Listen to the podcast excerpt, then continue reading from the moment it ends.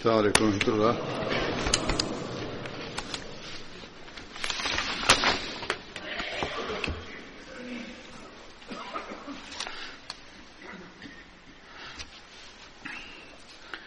أشهد أن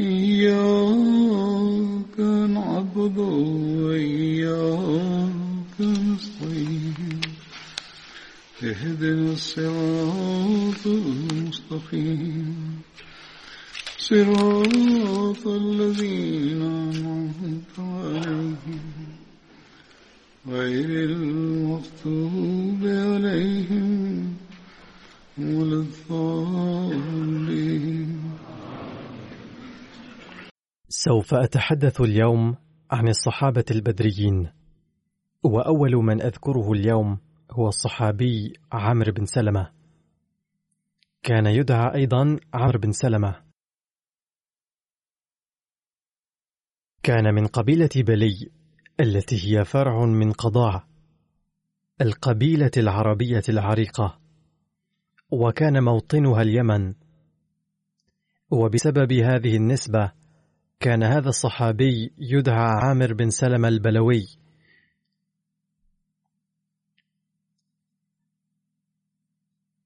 كان عامر رضي الله عنه من حلفاء الأنصار له شرف حضور غزوتي بدر وأحد.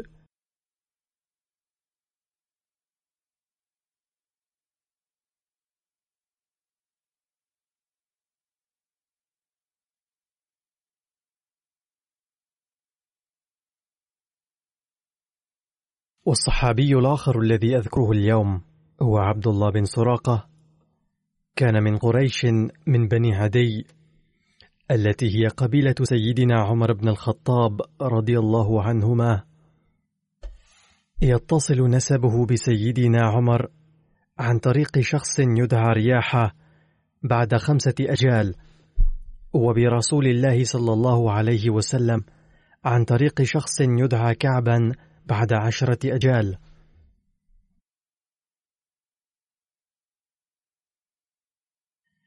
يدعى والد سراقة بن المعتمر وأمه هي أمة بنت عبد الله وأخته زينب وأخوه عمرو بن سراقة وزوجته أميمة بنت الحارث وكان له منها ولد اسمه عبد الله.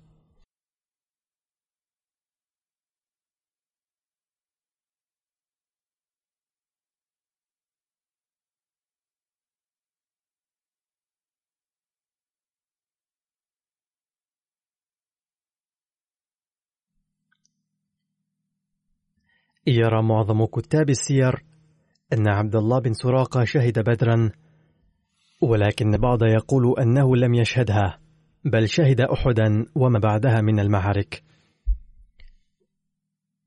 على كل حال إن الأكثرية ترى أن عبد الله وأخاه عمر بن سراقة قد حضر غزوة بدر وكان من ذريته عمر بن عبد الله ويدعى عثمان بن عبد الله أيضا وأيوب بن عبد الرحمن.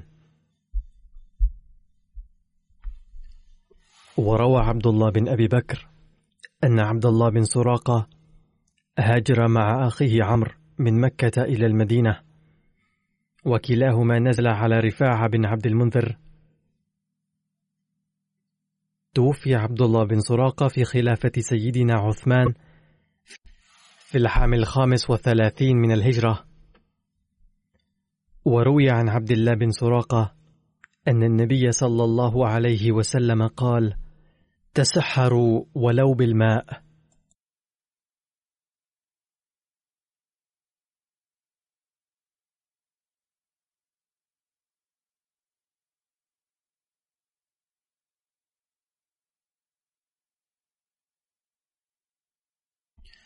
والصحابي التالي ذكره هو مالك بن أبي خولي. كان من بني عجل الذين كانوا حلفاء بني عدي بن كعب التي كانت فرعا من قريش. كان اسم والده عمر بن زهير ويكنى بأبي خولي. ويروى أن اسم ملك هو هلال. عندما هاجر سيدنا عمر رضي الله عنه إلى المدينة هاجر معه أفراد عائلته الآخرون ومنهم مالك وأخوه خولي. حضر مالك مع أخيه عبد الله بدرا وفي رواية أن خولي شهد بدرا مع أخويه هلال أي مالك وعبد الله. توفي مالك بن أبي خولي في أحد خلافة سيدنا عثمان رضي الله عنه.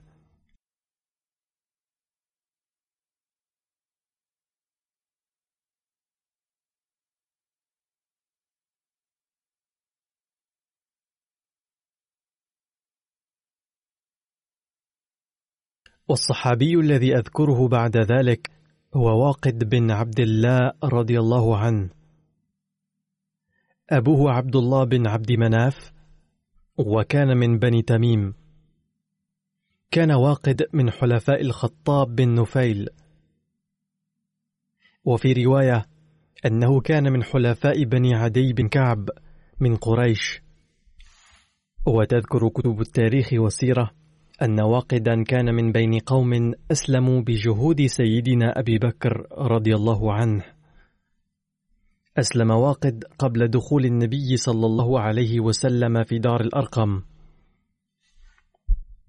لقد سبق أن ذكرت شيئا عن دار الأرقم وأذكر هنا بإيجاز أن النبي صلى الله عليه وسلم لما فكر في أن يكون في مكة مركز للمسلمين يجتمعون فيه للصلاة وتتم فيه أمور التربية والإرشاد ونشر دعوة الإسلام بحرية وبهدوء على يد النبي صلى الله عليه وسلم. فكان هناك حاجة إلى مكان يكون مركزا للمسلمين. فأعجبه بيت أحد المسلمين الحديثي الإسلام هو أرقم بن الأرقم وكان يقع بيته في سفح جبل الصفا. فصار مكان اجتماع المسلمين وصلواتهم. وفيه كان النبي صلى الله عليه وسلم يدعو من يأتيه باحثا عن الحق. فذاع صيت هذا البيت في التاريخ وصار شهيرا بدار الإسلام. أقام النبي صلى الله عليه وسلم في دار الأرقم قرابة ثلاث سنوات أي اتخذه النبي صلى الله عليه وسلم مركزا للإسلام في العام الرابع من النبوة. وظل يقوم فيه بنشاطه الدعوي والتربوي حتى العام السادس من النبوة. كتب المؤرخون أن آخر من أسلم في دار الأرقم هو سيدنا عمر حيث نال المسلمون القوة بإسلامه فخرجوا من دار الأرقم وقاموا بالدعوة علنا.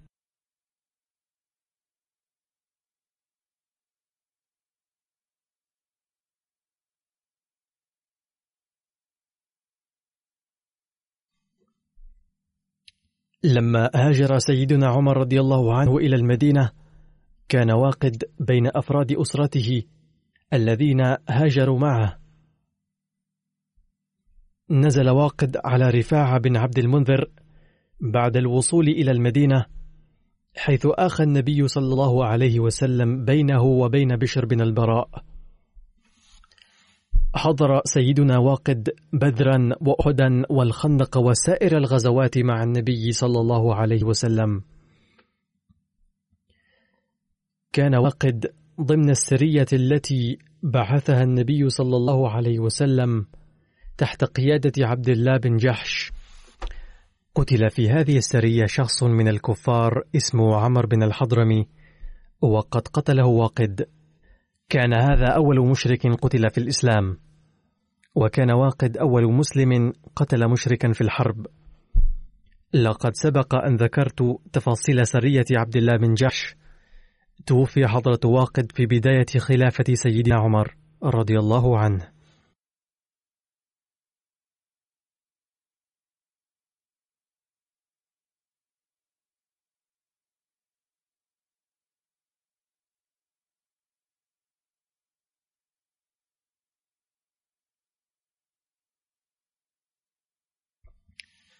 والصحابي التالي ذكره هو حضرة نصر بن الحارث كان أنصاريا من بني عبد بن رزاح من الأوس ويقال اسمه أيضا نمير بن الحارث. كنيته أبو الحارث والده الحارث بن عبد وأمه سودة بن سواد. كان لنصر بن الحارث شرف حضور غزوة بدر. وكان والده أيضا من صحابة النبي صلى الله عليه وسلم استشهد نصر بن الحارث في معركة القادسية. والقادسية كان موقعا للفرس وكان يقع في العراق الحالي على بعد 45 ميلا من الكوفة الحالية.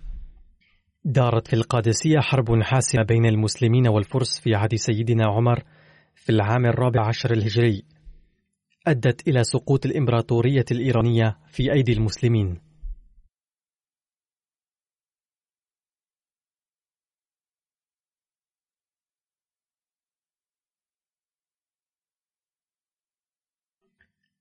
والصحابي الذي أذكره بعد ذلك هو مالك بن عمرو.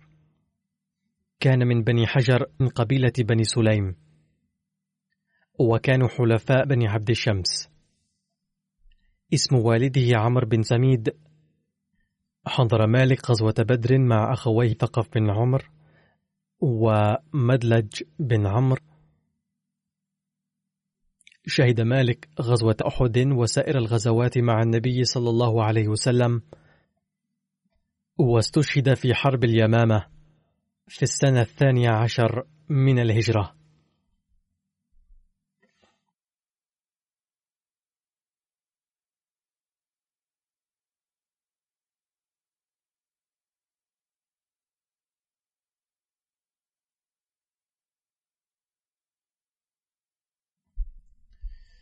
والصحابي التالي ذكره هو النعمان بن عصر رضي الله عنه. كان من الأنصار من بني بلي الذين كانوا حلفاء بني معاوية وكان يسمى لقيت بني عصر أيضا كما كان يدعى النعمان البلوي.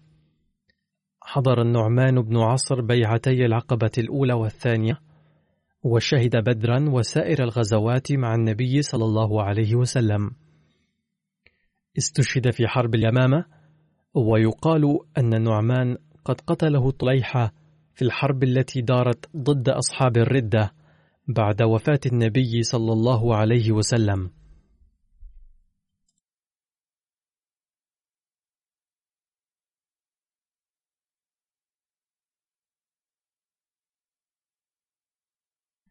الصحابي البدري الآخر هو عويم بن ساعدة وهو من بني عمرو بن عوف أحد بطون قبيلة الأوس.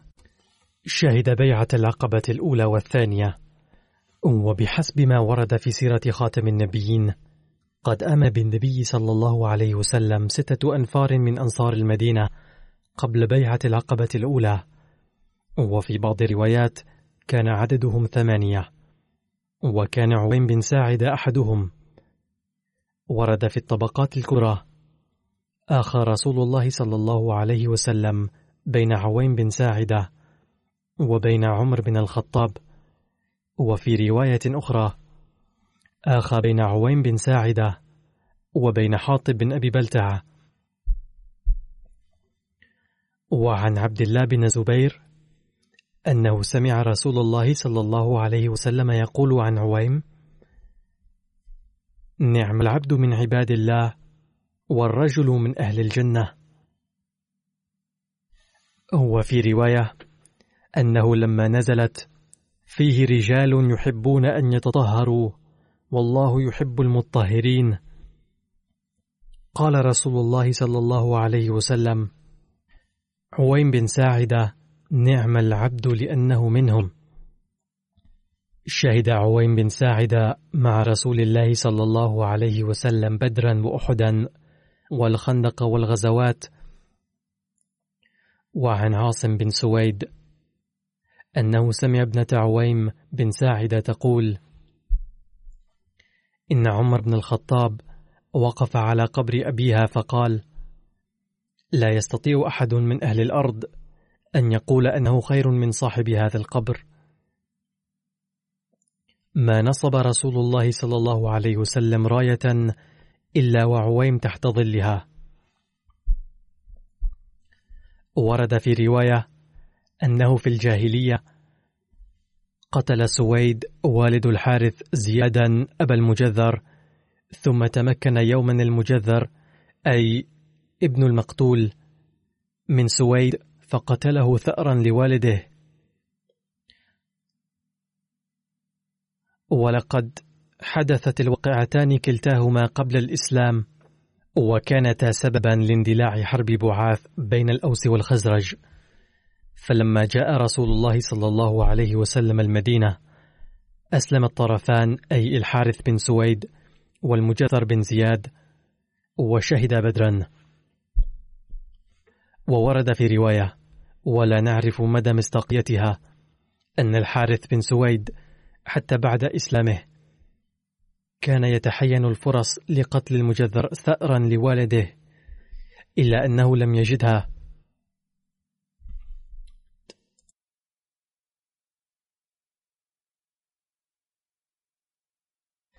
فلما حدثت الفوضى يوم أحد ورجعت قريش وشنت هجمة على المسلمين وثب الحارث بن سويد على المجذر وضرب عنقه غدرا. وفي رواية قتل الحارث بن سويد قيس بن زيد أيضا في ذلك اليوم. فلما رجع النبي صلى الله عليه وسلم من غزوة حمراء الأسد أتاه جبريل عليه السلام فأخبره بأن الحارث بن سويد في قباء وقد قتل المجذر بن زيد غدرا فانهض إليه واقتص منه بالمجذر بن زيد. فنهض رسول الله صلى الله عليه وسلم إلى قباء في وقت لم يكن يأتيهم فيه وهو شدة الحر. في يوم حار فخرج إليه الأنصار من أهل قباء. ومنهم الحارث بن سويد وعليه ثوب مورس أو ثوبان مضرجان فأمر رسول الله صلى الله عليه وسلم عويم بن ساعدة بضرب عنقه فقتله عند باب المسجد.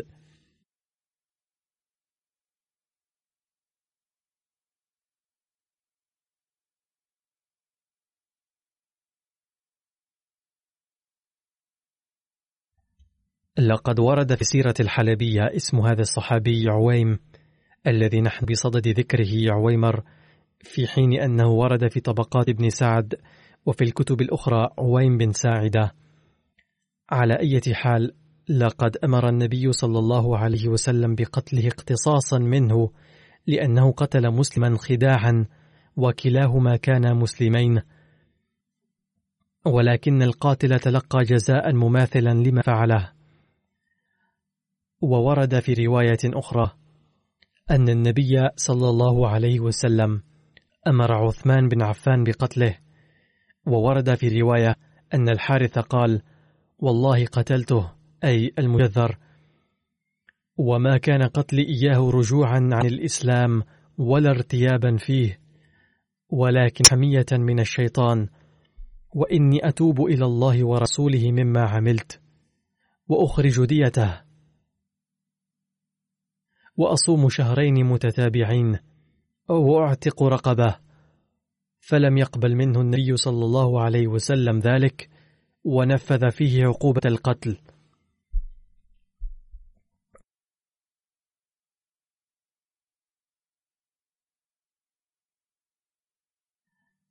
هناك رواية عن أبي عمر في السيرة الحلبية أن عويما مات في حياة النبي صلى الله عليه وسلم. وقيل توفي عويم بن ساعدة في خلافة عمر وهو ابن خمس وستين سنة. والصحابي البدري الآخر هو النعمان بن سنان وهو كان ينتمي إلى بني النعمان من الخزرج قبيلة الأنصار. كتب ابن هشام أنه كان مولى لبني النعمان بينما اعتبره ابن سعد مولى لبني عبيد بن عدي. شهد بدرا وأحدا.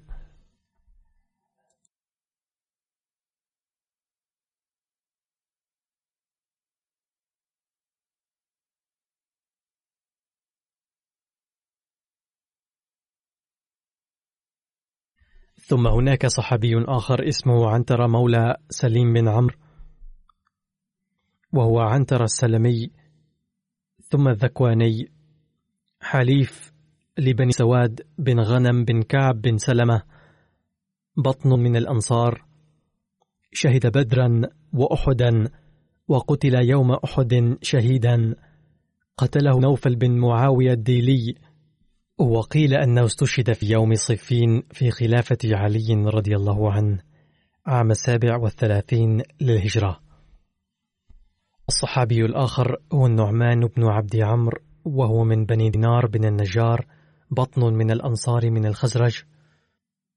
والده عبد عمرو بن مسعود ووالدته السميراء بنت قيس.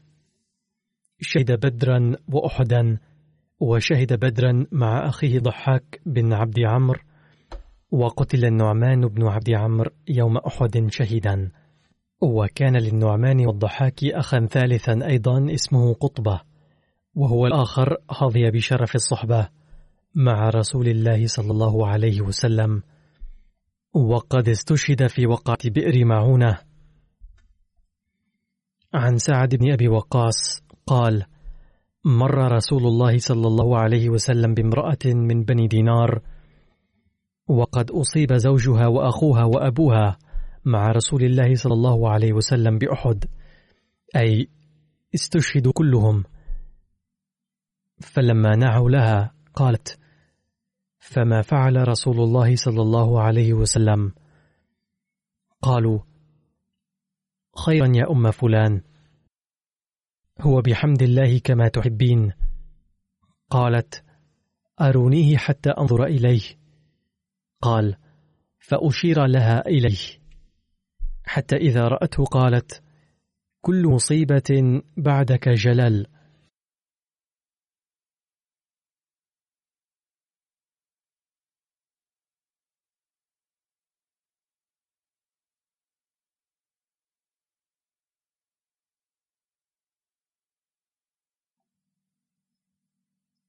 وفي رواية ذكر استشهاد ابنها أيضا عن أنس بن مالك قال لما كان يوم أحد حاص أهل المدينة حيصة أي لما حدثت الفوضى بينهم وأشيع أنه قتل محمد صلى الله عليه وسلم حتى كثرت الصوارخ في ناحية المدينة فخرجت امرأة من الأنصار متحزمة فاستقبلت بابنها وأبيها وزوجها وأخيها.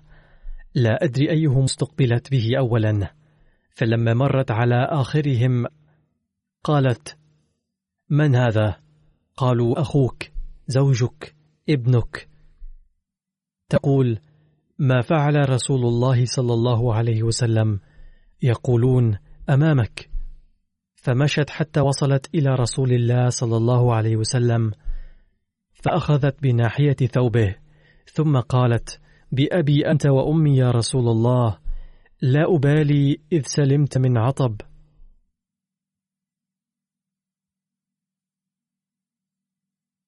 قيل أنها كانت السميراء بنت قيس والدة النعمان بن عبد عمرو.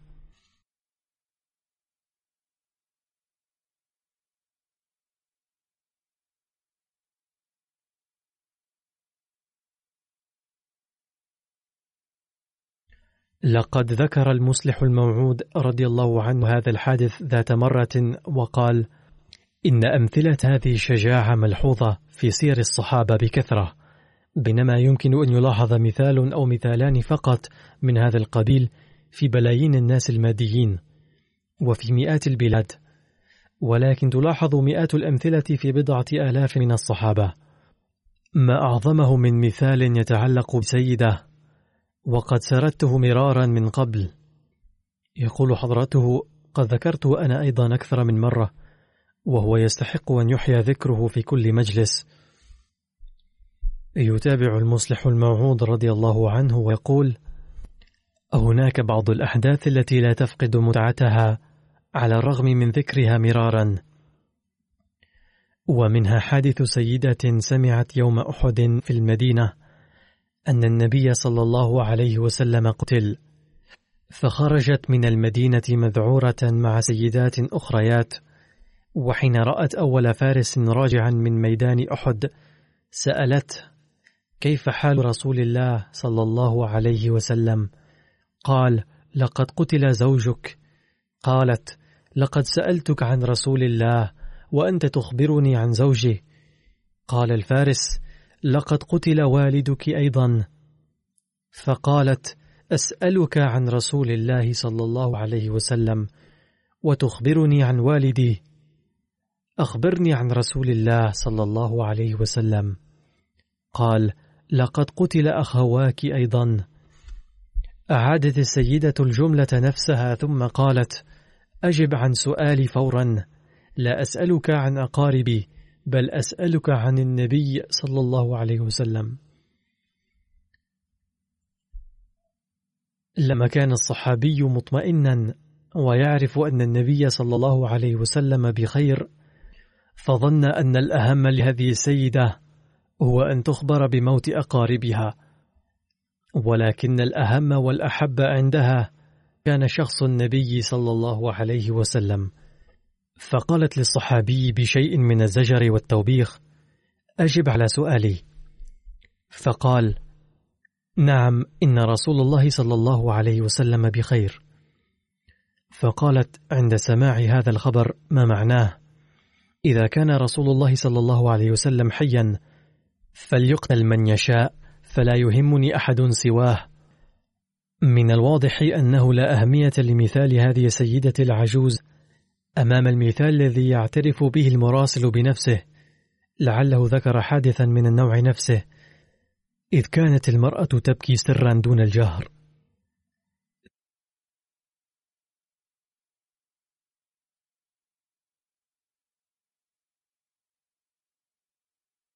ثم يقول المصلح الموعود رضي الله عنه أن هذا الحادث الأخير لا يماثل حدث تلك الصحابية المذكورة آنفا لأنها ما كانت تكتم حزنها وبكاءها.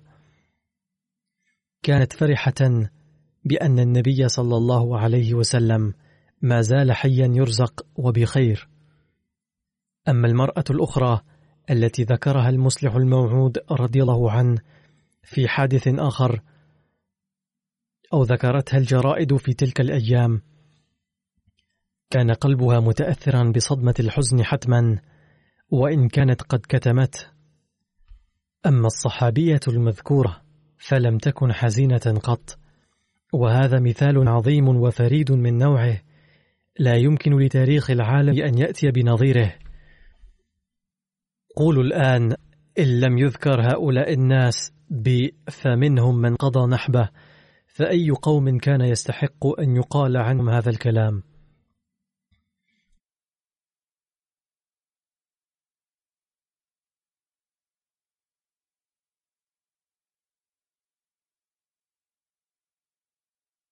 يتابع سيدنا المصلح الموعود رضي الله عنه عندما أقرأ هذا الحادث عن الصحابية المذكورة يمتلئ قلبي أدبا واحتراما لها وأتمنى أن أمس بيدي تبرك تلك السيدة المقدسة ثم أمسح بهما عيني لأنها تركت ذكرى عديمة النظير عن حبها تجاه حبيبي. ثم يقول رضي الله عنه في مكان آخر في بيان الحب والعشق نفسه انظروا كم كانت هذه السيدة تحب النبي صلى الله عليه وسلم. إذ قد أخبرت بقتل أقاربها واحدا بعد الآخر ولكنها ظلت تقول كل مرة أخبروني عن رسول الله صلى الله عليه وسلم. إذا قد أبدت هذه السيدة هذا القدر من الحب لرسول الله صلى الله عليه وسلم.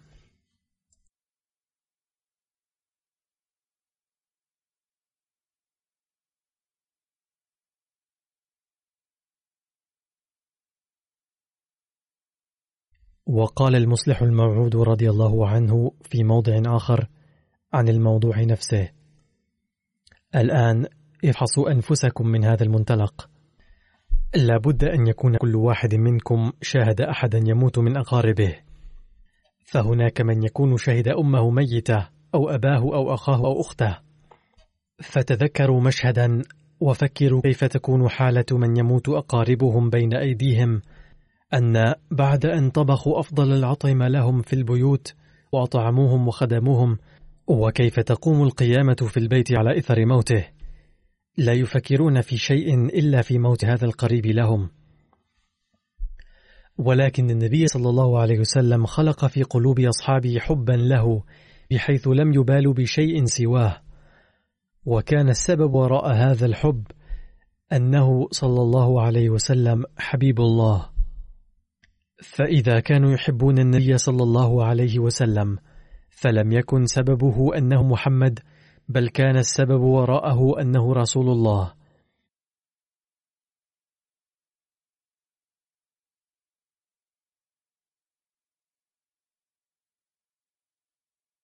الحقيقة أن هؤلاء الناس كانوا يعشقون الله تعالى ولأن الله تعالى يحب محمدا رسول الله.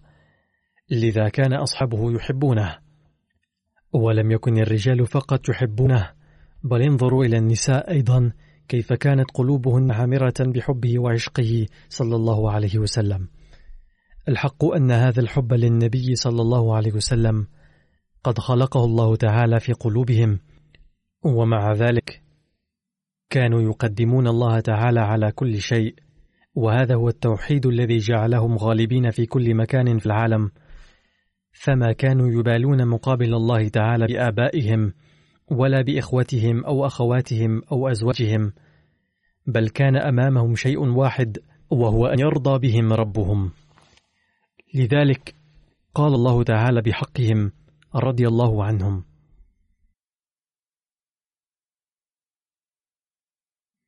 لقد قدموا الله تعالى على كل شيء فقدمهم الله. ولكن لم تعد حالة المسلمين فيما بعد على المنوال نفسه حتى إنهم إذا كانوا على علاقة بالله تعالى اليوم فهي علاقة ذهنية فقط. أي أن في ذهنهم أنهم يؤمنون بالله تعالى ويؤمنون بوحدانيته ولكن ليس ذلك في قلوبهم. وإذا ذكر النبي صلى الله عليه وسلم أمامهم تهتز أوتار الحب في قلوبهم. كذلك تهتز هذه الأوتار على ذكر أقارب النبي صلى الله عليه وسلم. يتحمس الشيعة وأهل السنة أيضا عند ذكر النبي صلى الله عليه وسلم وذكر أولاده ولكن لا تهتز أوتار قلوب المسلمين عند ذكر الله تعالى مع أنه هو الذي أعطاهم هذه النعمة أي النبي صلى الله عليه وسلم.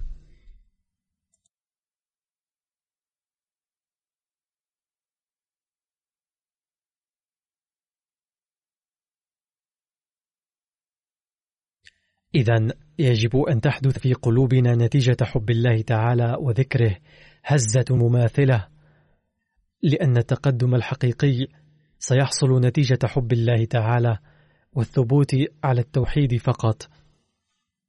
إذا هذا هو المبدأ الحقيقي الذي يجب أن يتذكره كل واحد منا. ندعو الله تعالى أن يوفقنا لإنشاء الحب الحقيقي لله ورسوله ويوفقنا لفهم هذا الحب على وجه الحقيقة.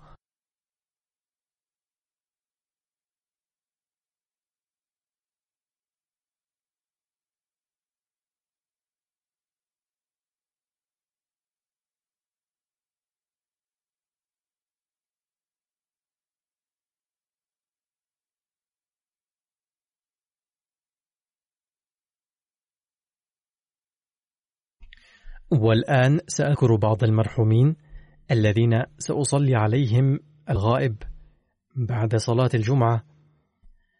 الذكر الأول هو للمرحوم مودود أحمد خان أمير الجماعة الأسبق في كراشي ابن النواب مسعود أحمد خان وقد توفي في الرابع عشر يوليو عن عمر يناهز 78 عاما. إنا لله وإنا إليه راجعون. لقد ولد المرحوم في قاديان. في الثاني عشر من نيسان عام 1941 في بيت السيد نواب مسعود أحمد خان والسيدة طيبة صديقة وكان حفيد السيد النواب مبارك بيغم والسيد نواب محمد علي من ناحية الأب وحفيد الدكتور مير محمد إسماعيل من ناحية الأم. لقد حاز المرحوم شهادة المحاماة من جامعة البنجاب ومارس المحاماة لبعض الوقت مع المرحوم الشيخ محمد أحمد مظهر ثم التحق بشركة معروفة في المحاماة اسمها أردوغانم. وانتقل إلى دكة وعمل هناك مع هذه الشركة إلى 52 عاما. بل كان شريكا رئيسيا لها وكان يعد من كبار محامي الشركات في باكستان وكان ماهرا في قوانين التجارة العالمية. والخدمات المصرفية وقوانين الشركات وكان معروفا جدا في هذا المجال. وقد وضع بعض القوانين المتعلقة بالشركات في باكستان. لقد عرضت عليه الشركات الكبيرة إدارتها ولكنه رفض هذا العرض دائما وكان يقول إن أصحاب مثل هذه المناصب يتهمون عادة بالفساد حتى وإن لم يكونوا فاسدين بأنفسهم. فإنهم يتهمون بسبب أفعال زملائهم. وهذا الأمر يمكن أن يسيء إلى سمعة الجماعة لذا أنا أتجنبها. ترك المرحوم وراءه زوجة وابنا وابنة. ابنه أيضا يعمل في سلك المحاماة وابنته تقيم في كندا مع زوجها. وهو صهر المرحوم مودود خان ابن حفيدة صاحب زادة ميرزا مبارك أحمد المحترم. كان المرحوم مودود أحمد خان قد عين أمير الجماعة في محافظة كراشي في أكتوبر عام 1996 وقبل ذلك كان يخدم الجماعة بصفته نائب الأمير وسكرتير الأمور الخارجية. كما كان من مدير مؤسسة فضل عمر ومؤسسة ناصر ومؤسسة طاهر أيضا حين واجهت الجماعة ابتلاء في عام 1984 أنشأ العلاقة الطيبة مع الصحافة.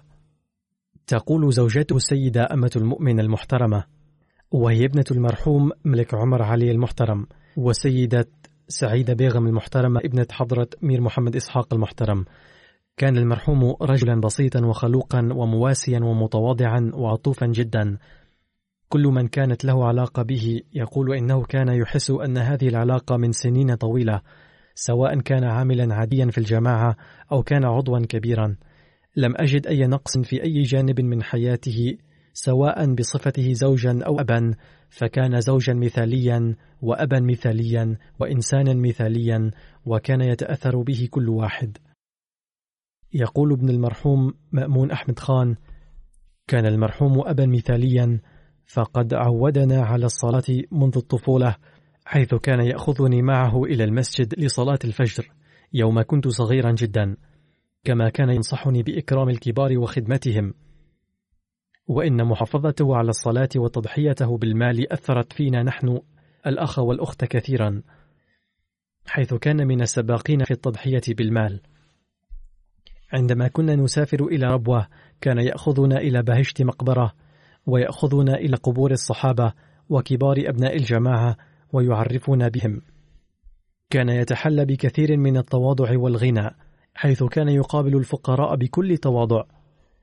أما المسؤولون فلم يكن احترامه لهم طمعا في الترقية أو الانتفاع بل كان يحافظ على الوقار أثناء مقابلتهم.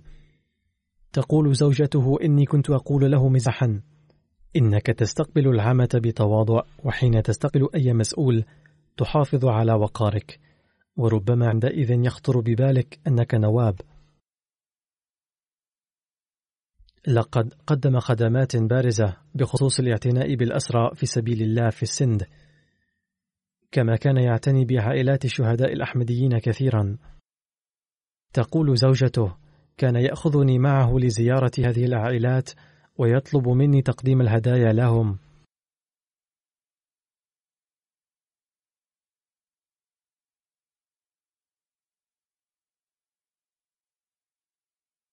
لقد كتب كل واحد أنه كان مضيافا جدا. تقول زوجته أحيانا كان يخبرني قائلا إني سآتي بعد عشر دقائق بعدد كذا من الضيوف. عدي لهم الطعام وكان يخبرني على الهاتف ثم يغلقه فورا لئلا أتمكن من تقديم أي عذر.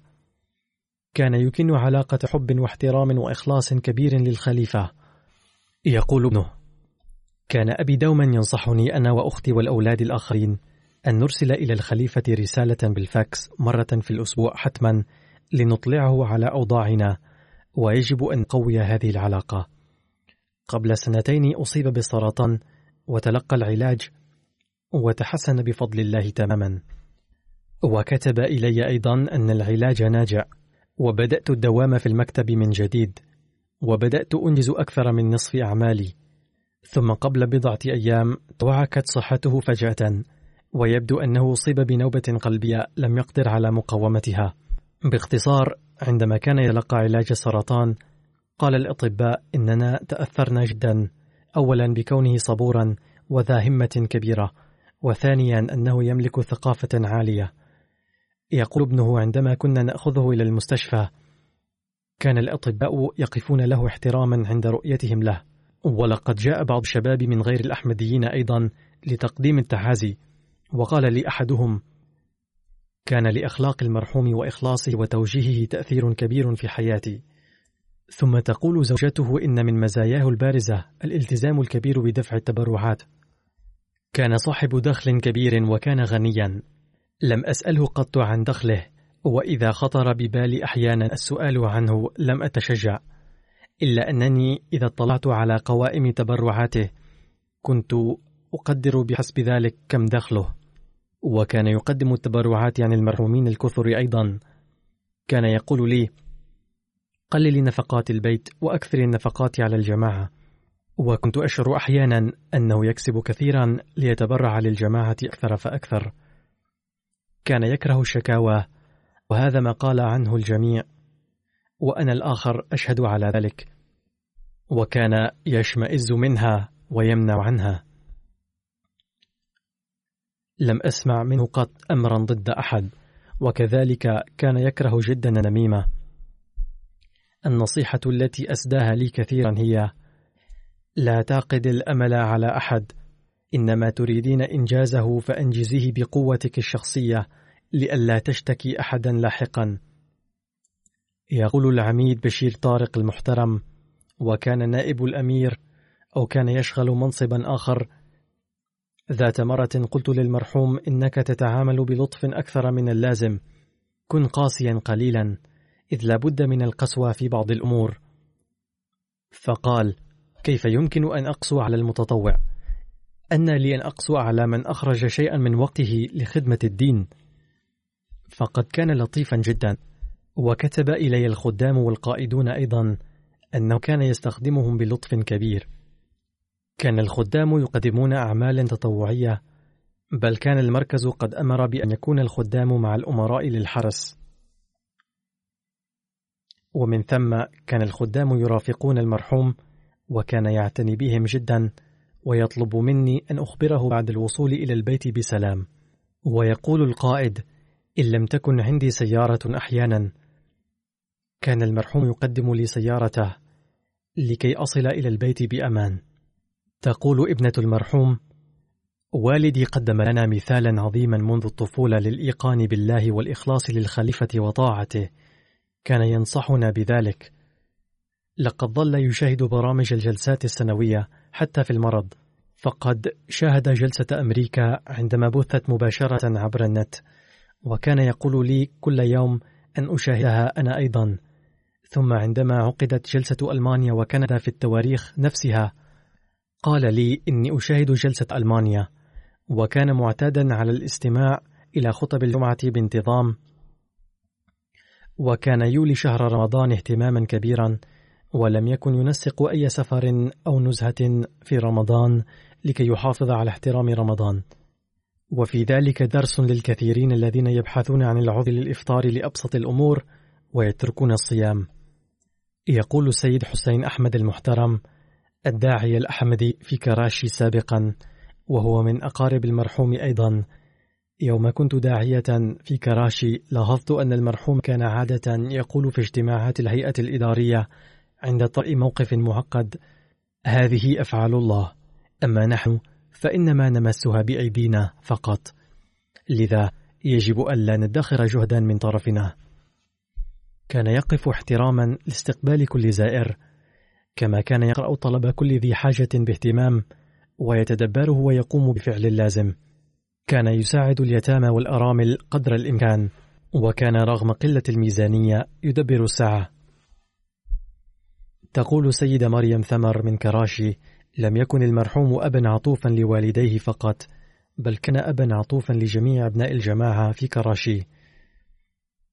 وكان يشارك الجميع في الأفراح والأحزان ويهتم بالجميع وكان متواضعا وكيسا فطنا ذات مرة كتب اسمه في برنامج نواب مودود أحمد خان فشطب بقلمه كلمة نواب.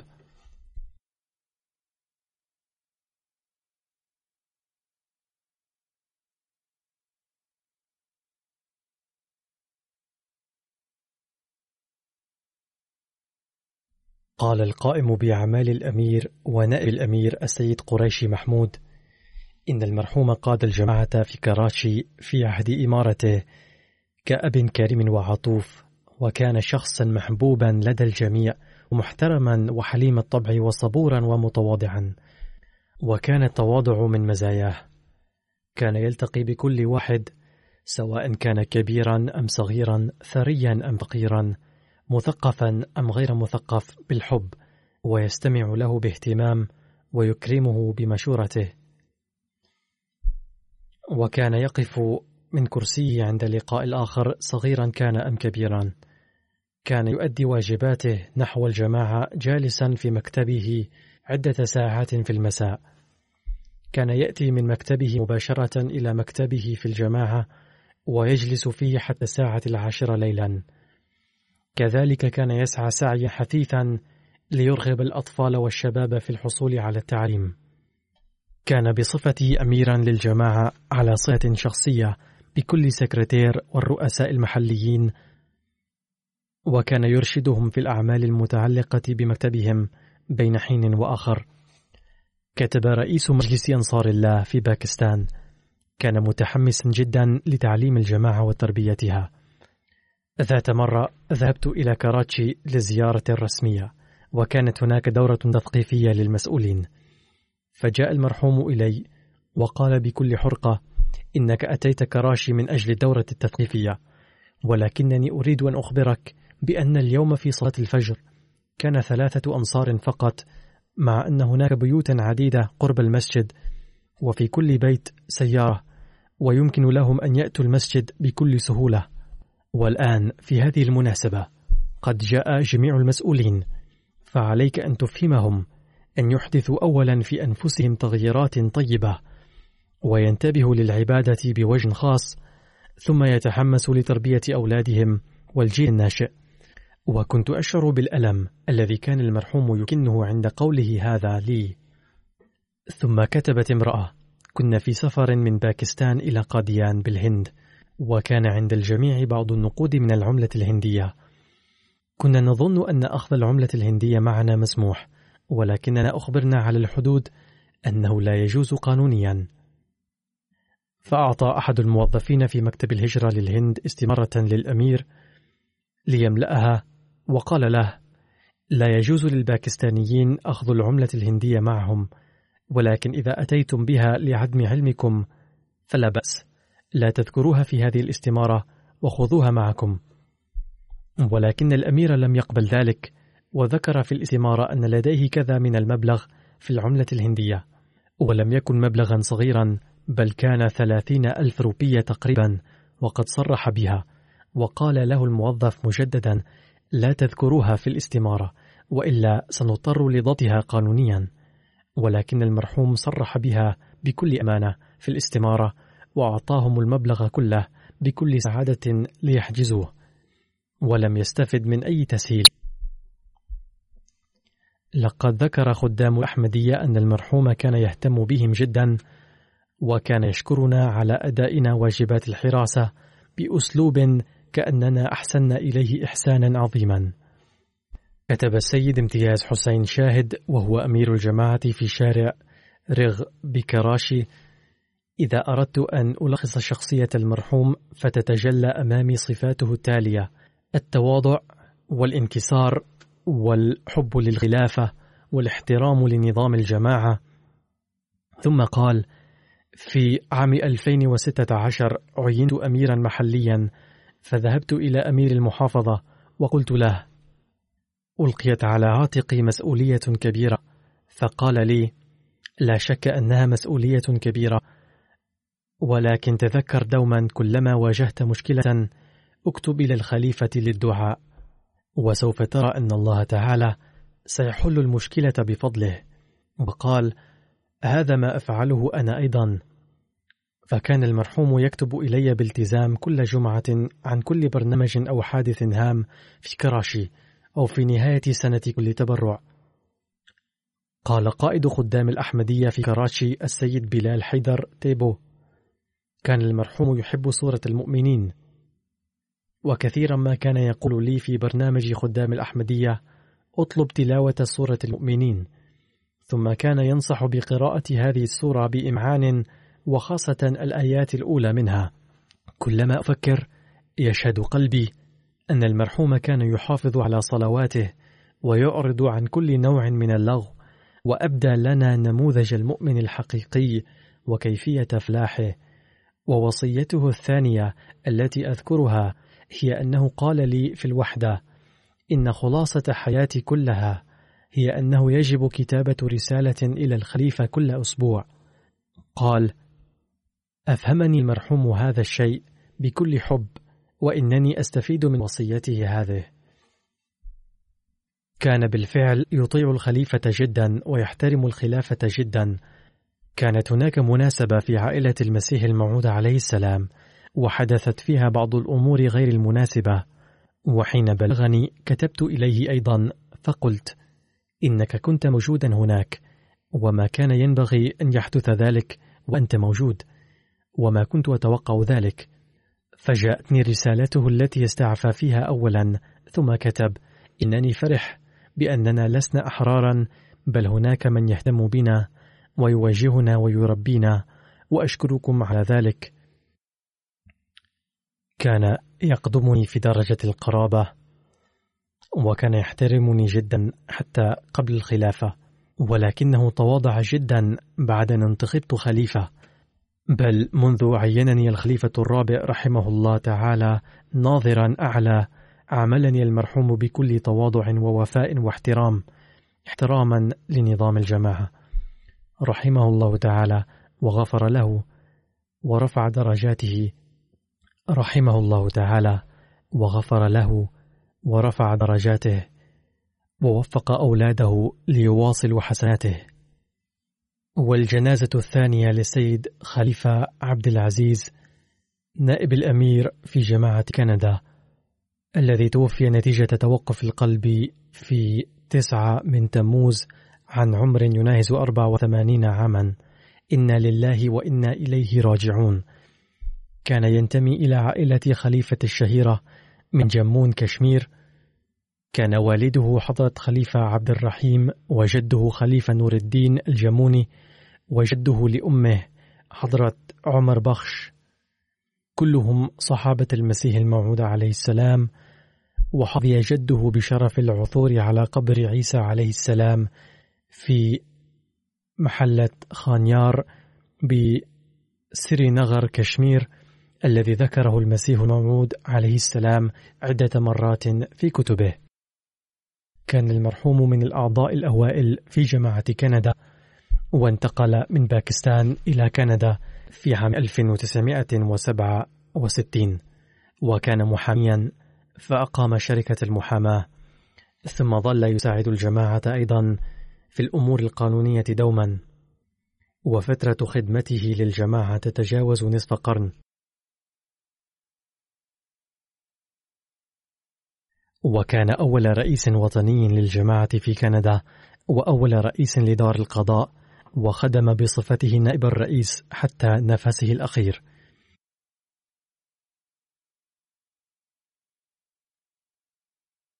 وحظي بشرف حج بيت الله تعالى كان دمثا ومحبوبا وطليق الوجه ومتفهما للأمور وصائب الرأي وصالحا ومخلصا ووفيا.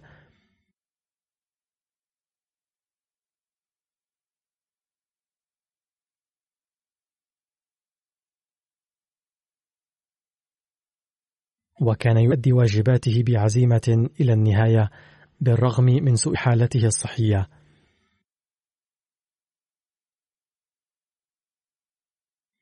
كان على صلة الحب العميق والطاعة للخلافة وكان يسعى جدا للعمل بكل ما يصله من أوامر من المركز. كان موصيا بفضل الله تعالى.